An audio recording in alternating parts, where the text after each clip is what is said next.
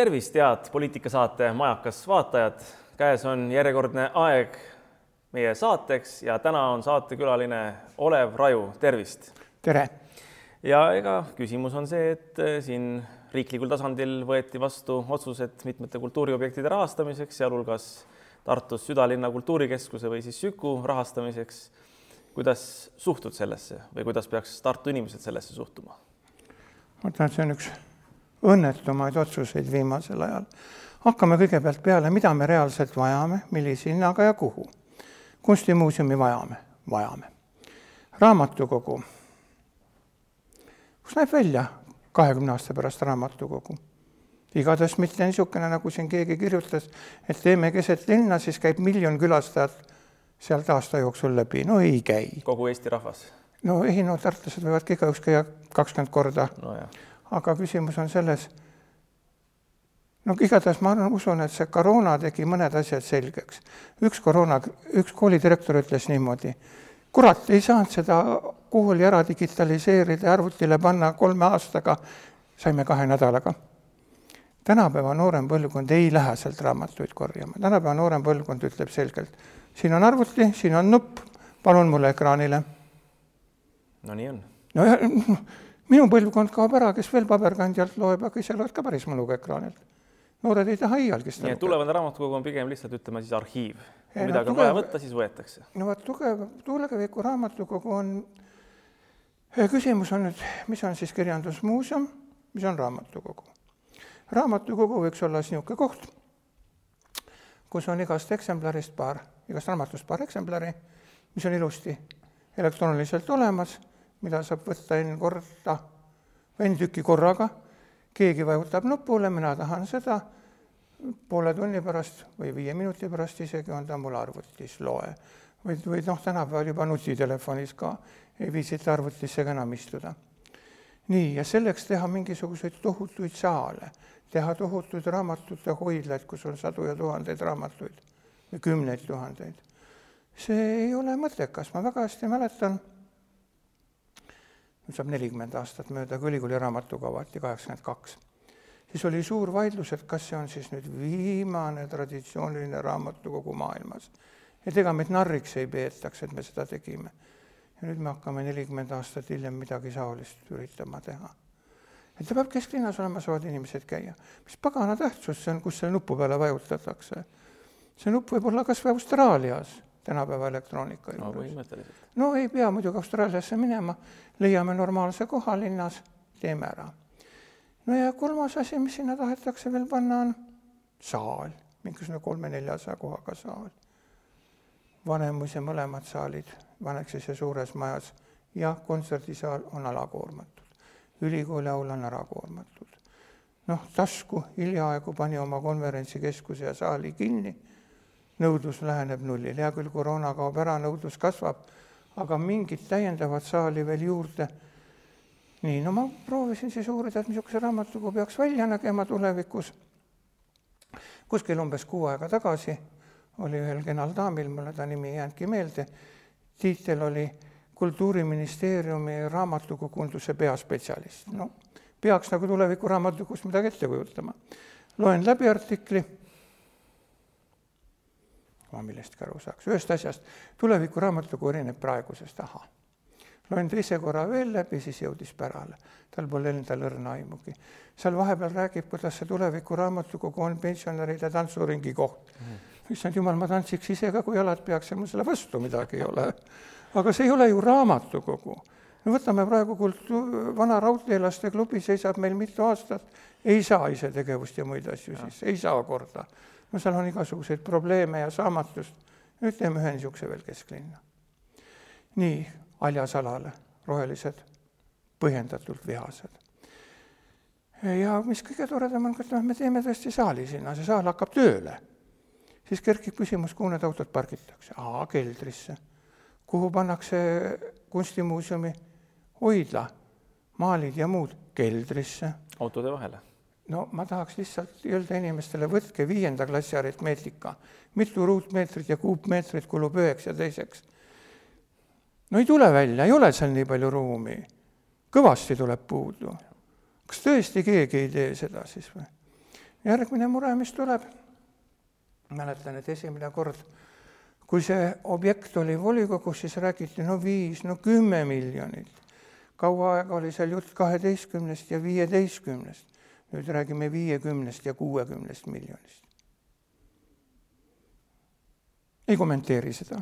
no nii on aga siin kurjad keeled ütlevad nagu seda ka, et noh, toovad, et, et noh, Keskerakond on ise ka selle otsustamise juures olnud, kuidas sa selle kohta ütled? no vot, see oli just siis, kui räägiti kümnest ja kaheteistkümnest miljonist ja ei räägitud keset haljasala. ma ütlen veel kord, me vajame kunstimuuseumi. see juba Vallikraavi tänaval oli noh, hunnik õnnetust, vanaka majake, siis söödi ta sealt välja, nüüd ta on seal Barclay majas, Vilduses majas kah mitte sobivates ruumides. aga seda ka, selleks ei pea kulutama viis või kuuskümmend miljonit. no praegu kõige odavam variant ja väga soovitav variant oleks panna ta kokku ERM-iga. kaks muuseumi kokku, tekib sünergeetiline efekt, ERM-ist on kasutusel noh, kolmandik umbes. Tal on tohutud keldriruumid hoidlate jaoks, kõrge hea mäe otsas, sinna saab kergelt ehitada, ei pea tegema igasuguseid superveekindlustusi, tema ja keldrisse ei tuleks jah, Alar Karis on ju ka seda siinsamas saates öelnud seda no,, et ERM on ala kasutatud, võiks võtta ja osad funktsioonid sinna tõsta. aga loomulikult, miks mitte? ja see ei läheks kümmetki miljonit, no kui tõesti eraldatakse sealt mitukümmend miljonit, kunst on alarahastatud, kultuur on alarahastatud, ei vaidle vastu üldse. seda raha saaks ju palju paremini kasutada, mitte mõttetu hoone betooni jaoks. no absoluutselt. miks seda siis aetakse, tuleb küsimus ju nojah, aga võib-olla enne küsiks selle küsimuse, et, et tegelikult nagu siin Kristina Kallas on öelnud, et põhimõtteliselt rahastamisotsus küll tehti, aga samas Eesti kakssada näiteks sooviks avada praegu hoopis diskussiooni, et ega see asukoht ei pea ikka ju olema paigas sealsamas pargis ja need funktsioonid ei pea olema paigas, võib-olla annaks ümber mängida, sest raha on ju tarvis, aga teeme midagi asjalikku selle eest. tulebki ümber mängida, sest ega see ei ole ainukene seltskond, kes vastu on, minu teada kõik opositsiooni poole peal olevad erakonnad ja rühmitused on praegu väga teravalt vastu ja põhjendatult. sest see on tõesti meeletu rahakulutus õnnetu objekti jaoks. Meile jääb kuskil nelja-viiekümne aasta pärast objekt, maailmas naerdakse ja need tegidki veel üheksateistkümnenda sajandi raamatukogu keset linna. ja kõige toredam on see, et üks arhitekt ütleb, et linn ei tohi roheline olla, linn peab olema kivist ja betoonist, no issand jumal, kogu maailm võitleb selle vastu. ja meie siis läheme sada aastat ajas tagasi, kus tõesti nii üritati teha. See on tõesti õnnetu objekt ja ta ei pea sinna tulema, ütlen veel kord, kunstimuuseumi on vaja. kas sinna, kahtlen. nii, üheksateistkümnenda sajandi raamatukogu me ei vaja, see oleks rumalus jah, noh, mis on see raamatukogu, tõesti pensionäride kult-, memmekeste tantsuring no,. Räägime... sellest ta muide räägib, see spetsialist. aga see asukoht nagu selles mõttes, miks siis need valitsejad või need, kes on need otsused vastu võtnud, milleks neil siis kangesti on vaja suruda seda keskparki? Ausalt öeldes ma ei oskagi isegi sellele vastata. see oleks muidugi jah, see, noh, raamatukogu keset linna, kunstimuuseum keset linna, me oleme nii kultuurisõbralikud. siin on muidugi küsimus veel, et mõlemat tuleks teha korraga. vaat see on nüüd ärimeeste huvi, sest kus nad praegu asuvad? Barclay majas, hakkame sealt Rahukoja platsist peale, sealt läheb kuni haridusministeeriumini on vaatad oma sada meetrit, no maja on seal kuskil, ma ei teagi, ma ei ole mõõtnud, kaheksakümmend meetrit võib-olla. suur lahmakas. suur lahmakas, keset linna, parim äriobjekt, parim kinnisvaraobjekt, kõrval on veel parkimisplats ka, sinna pidi tulema parkimismaja ja ei tea, mis.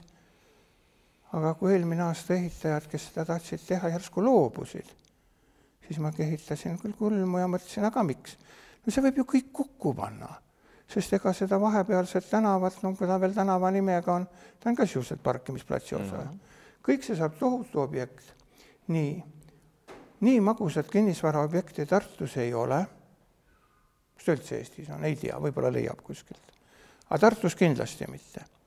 ja nüüd ongi siis niimoodi, et see objekt läheks käiku, kinnisvarameestel väga hea oleks, on vaja korraga saada ära kunstimuuseum, mida ilmselt kõik on nõus tegema, ja vaja on ka raamatukogu teha, sest raamatukoguga läheb kindlasti, kui teha lahus kauem aega, kõigepealt tuleb selgeks saada, mis see raamatukogu siis on. sest raamatukogule selle hoone tegemine, kus neid eksemplare kuigi palju ei ole, ei ole teab kui keeruline. keerulisem on see, kuidas see asi digitaliseerida ja väga võimalik on, et see tuleb kuskil kahe-kolmekümne aasta pärast ka välja vahetada, sest arvutimaailm liigub lausa kosmilise kiirusega aga nüüd ütleme, see raha, mis eraldati, kuidas sinu arvates seda kõige mõistlikum kasutada oleks, mis, mis kasut... peaks tegema ja mis järjekorras? mina kasutaks nii, leiaks normaalse koha ja teeks tõesti heade hoidlatega korraliku kunstimuuseumi ära. mis teeme ülejäänuga, sõltub sellest, millised bürokraatlikud takistused siin on. sest eh, leida projekt tulevikuraamatukogu jaoks, vabandage väga, me ei tea, kuidas ta välja näeb igatahes mitte see, mida siin pakutakse. see võtab aega. kas seda raha saab nii kaua hoida ja sinna käia, ei tea. sest kunagi oli jutt, et kakskümmend neli oleme me kultuuripealinn, selleks ajaks on need objektid keset linna valmis, kogu maailm jookseb vaatama mm.. no nüüd on selge, et noh, kahekümne neljandaks ei saa midagi valmis. nii, aga kuhu seda raha kasutada, no palju on variante, on palju, võib arutada ja diskuteerida, ega mina ei paku ka välja oma arvamust kui maailma viimse instantsilist tõde. noh, võib ju öelda siis seda, et tegelikult valimisperiood on tulemas ja käimas ja, ja põhimõtteliselt see ongi arutelu koht nüüd ka valijatele ja erakondadele, valimisliitudele, kandidaatidele. no kindlasti, sest praegu ma saan väga hästi aru, Reformierakond pressib seda valimisobjektina eelkõige. pluss veel see, et kui ärimeestele pakkuda nii superobjekti noh, eks nad on tänulikud, selle peale võib ka kindel olla. sest siin on ju veel üks asi, kui teha kesklinnas või üldse linnas mingit objekti ehitada, sest kõige suurem kulutus on plats puhtaks. seal on asutusi, seal on kõike sees, nüüd riik maksaks selle kin-, väljaviimise kinni ja annaks tühja kosu ärimeestele. no selge on see, et ega teda ei kingita, ta pannakse müüki aga noh, müüki võib ka panna väga mitmesugustel tingimustel. ja taht-, tahtjatest puudus ei tuleks, kes sinna ehitada tahavad. ei no seda kindlasti mitte. jah, ja, ja, ja seetõttu siin Reformierakond tahab kahtesugust asja, näed, me oleme kultuurisõbralikud, me teeme selle ja selle ja ärimehed, me teeme teile siin valmis superobjekti. oodake, te saate selle kohe kätte. me oleme ettevõtlust toetav erakond nojah, kultuur ja ettevõtlus käsikäes. ja mis mind kõige rohkem selle asja juures noh, kas nüüd üllatab või, või paneb mõtlema, ma olen alati imestanud Reformierakonna oskust teha niisuguseid asju teiste kätega, teiste erakonna inimeste kätega. see on juba üks kakskümmend aastat olnud täitsa no ma ei tea, kas olla vaimustuses, olla vihane aga see oskus on olnud muinasjutuline ja see jätkub praegu ka. nojah, ega kõige tähtsam ongi see, et enda pintsak jääb puhtaks ja, ja. teised teevad käed, käed ja pliided mustaks. aga kui me üldse vaatame noh, Tartu tuleviku peale, et eh, mida siin Tartus, millele peaks tähelepanu pöörama? oleneb, kust otsast vaadata. no vaatame sellest osast, et siin kõik areneks, kõik oleks tasakaalus, noored, vanad, töötajad no,, tööandjad. no punkt üks ma saan kodus iga päev, no mitte iga päev, aga alatihti võtta, oled Tartu volikogus üle kahekümne aasta olnud ja,. jah, jah, jah, aga vaata, Tartu kultuurilinn, hariduslinn, aga võrdleme Pärnuga, seal elu käib, aga mis Tartus käib? no vot siit tuleb esimene küsimus. et Tartus elu niimoodi käima läheks, on vaja kohta, kuhu kõik need esinejad tuleksid.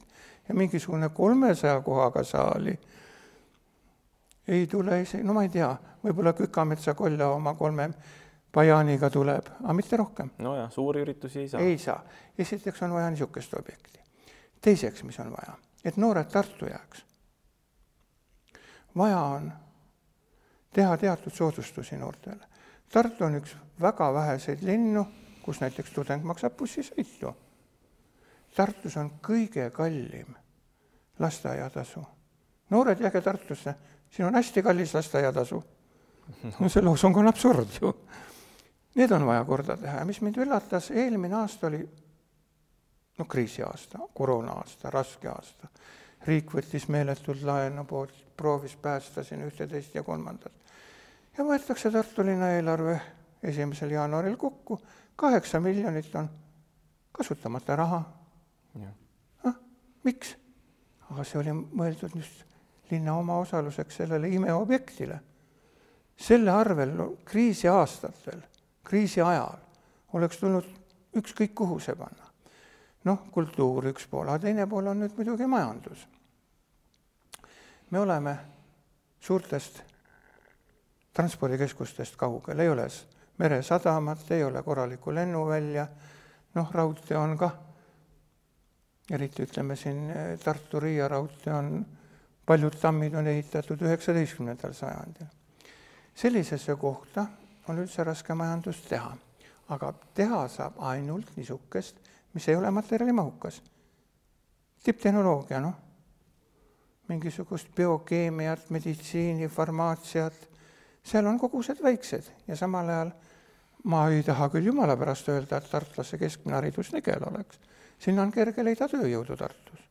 palju kergem, kui ma ei tea, kuskil Pära vallas näiteks. nojah, ei noh, seda enam, et eh, siin on nagu ülikool ja mitmed ülikoolid, kus saab siis ühesõnaga selle teaduse ja teadmise ja kõik ühendada tootmise poolega. jah, seda saaks, aga no elu kipub seisma, sest eks tekib ju veel üks asi mitte juhuslikult kogu maailmas ei piirata eh, kõikvõimalikke juhtimise ja muid tähtaegu seal kahe perioodiga, no maksimum kolmega. Aga kui ikka väga-väga kaua on Tartus võimul olnud üks ja sama erakond, siis on välja kujunenud stamp, stagnatsioon teatud jooksvate küsimustega eelkõige tegelemine, mitte tuleviku. aga tead, siin ma tahan natuke selles mõttes oponeerida. minu jaoks on alati see väide olnud imelik, sellepärast et näiteks perekond on ka ju selline üksus, organisatsioon, mida peab juhtima, kas siis perekonnapea või perekonnaliikmed peab ka aeg-ajalt välja vahetama, näiteks abielulahutuste või selliste asjadega. no kas ei tundu, et pooled abielud lahutatakse? lahutatakse tähendab, see on küsimus selles, abielu püsib siiski kui tõesti, nagu naised ütlevad, ma pean leidma selle härra õige. aga, aga, aga palju neid üldse maailmas on? ja ka peale selle perekonnal on veel teine asi. pulmapäeva järel kuni vanaisa põlveni on perekond hoopis teistsugune. värskelt abiellunud, elamine rajada, lapsed, lapsed lähevad kodunt ära, lastele haridus anda. vanaisa, vanaema perekond on teistsugune kui kolm päeva abielus olnud inimeste perekond. ja seetõttu siin situatsioon nii palju muutub. kuigi ka siin on jah oht hallis argipäevas ja stambis olemas, aga Tartu linn oli Tartu linn kümme aastat tagasi, viisteist aastat tagasi, kakskümmend aastat tagasi. eks siin on ka üht-teist muutunud, aga mitte nii põhimõtteliselt. nii et see perekonnanäide sobib ja ei sobi, aga, aga sada protsenti ta ei ole seesama. nii et ikkagi Tartus oleks vaja siin uus perekonnapea leida nii-öelda või? valija otsustab, keda või mida ta valib. eks ma olen siin näinud ka neid asju, tähendab, kui esimene demokraatlikult valitud volikogu kokku tuli kaheksakümmend üheksa detsembris no millega me, me esimesed asjad olid, päästa poisid Vene kroonust. organiseerida seda, teist ja kolmandat.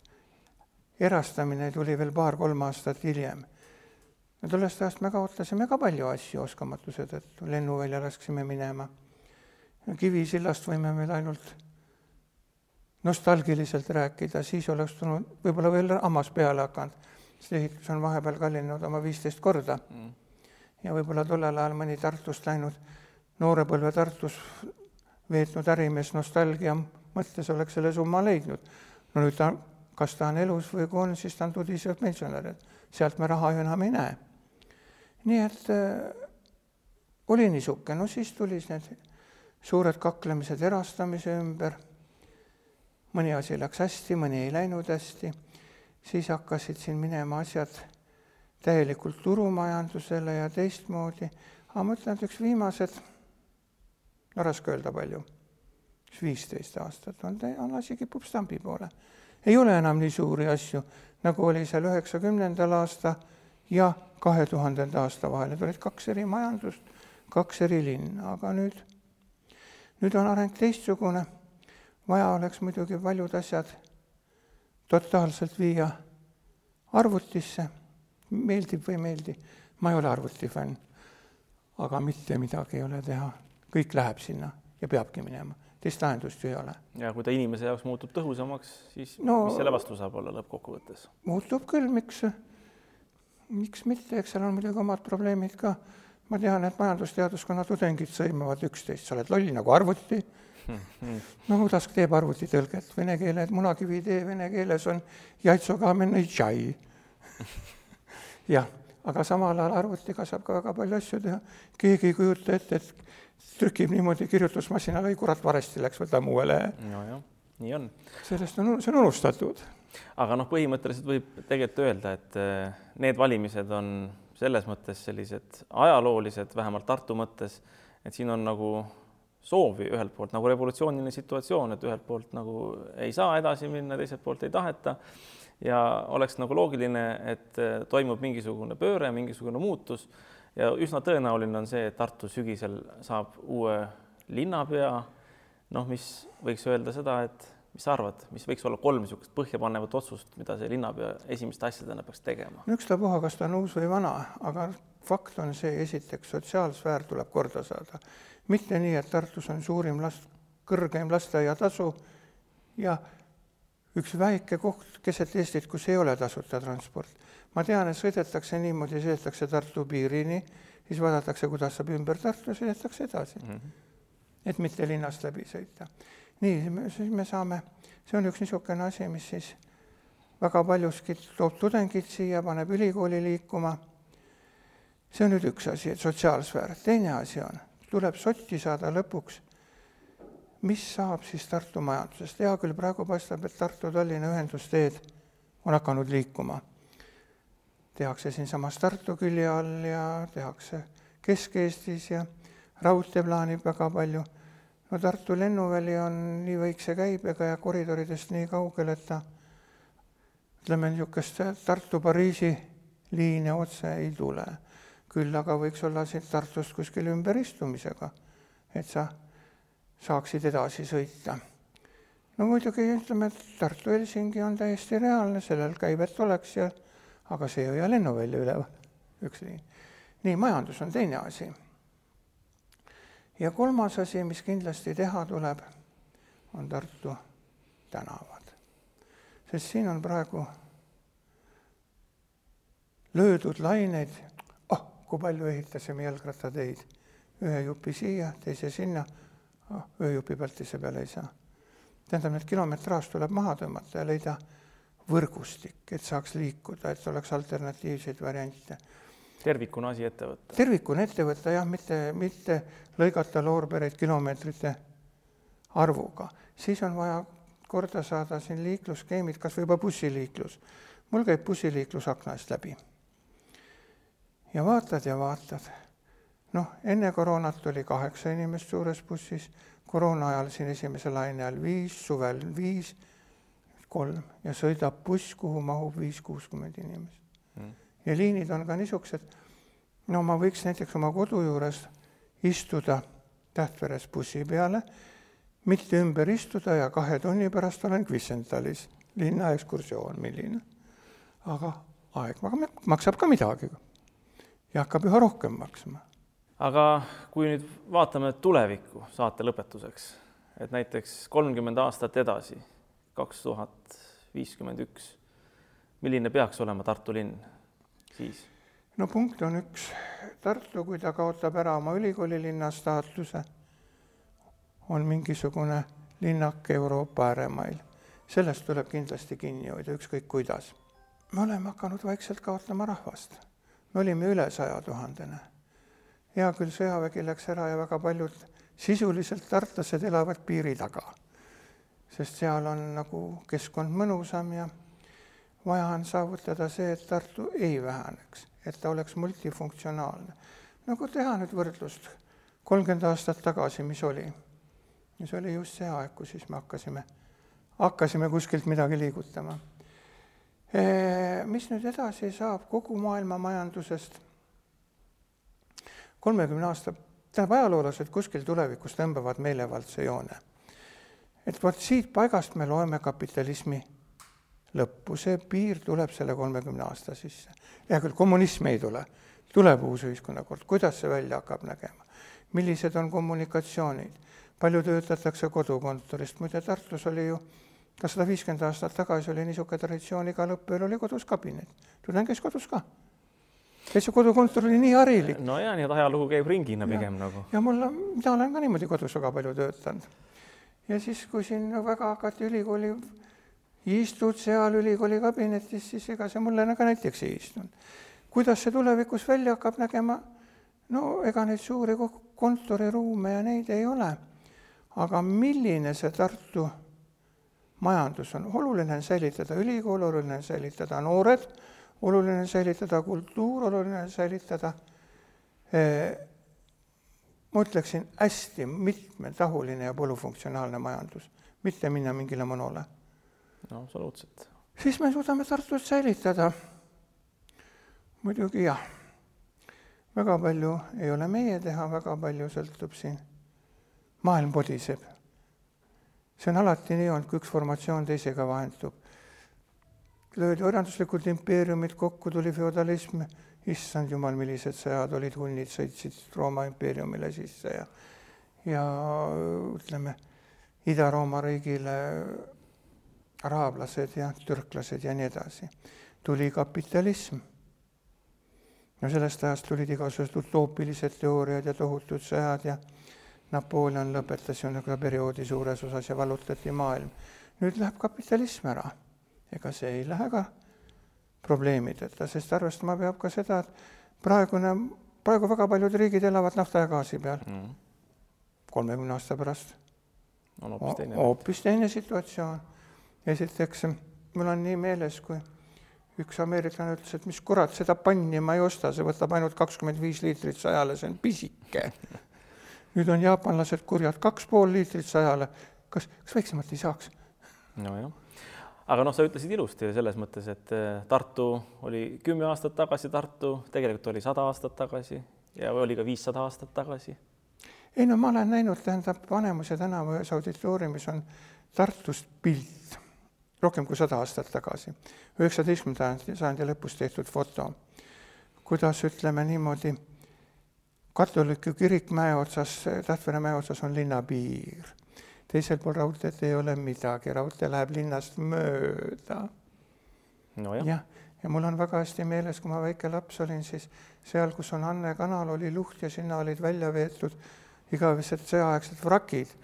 oi, ma sain võtta, jälle oled roostega koos aga no siit koorub nagu see, et äh, oluline on säilitada Tartu tuum, see, mis Tartu on ja lõppkokkuvõttes seesama Tartu vaim. Tartu vaim ja Tartu tuum tuleb säilitada, sest ära anda on seda lihtne aga tagasi saada. jah, nii on. aga selle targa noodiga ja ka optimistliku noodiga lõpetame, nii et selles mõttes on Tartu saatus igaühe meie kätes. Kuulmiseni ja vaatamiseni. thank you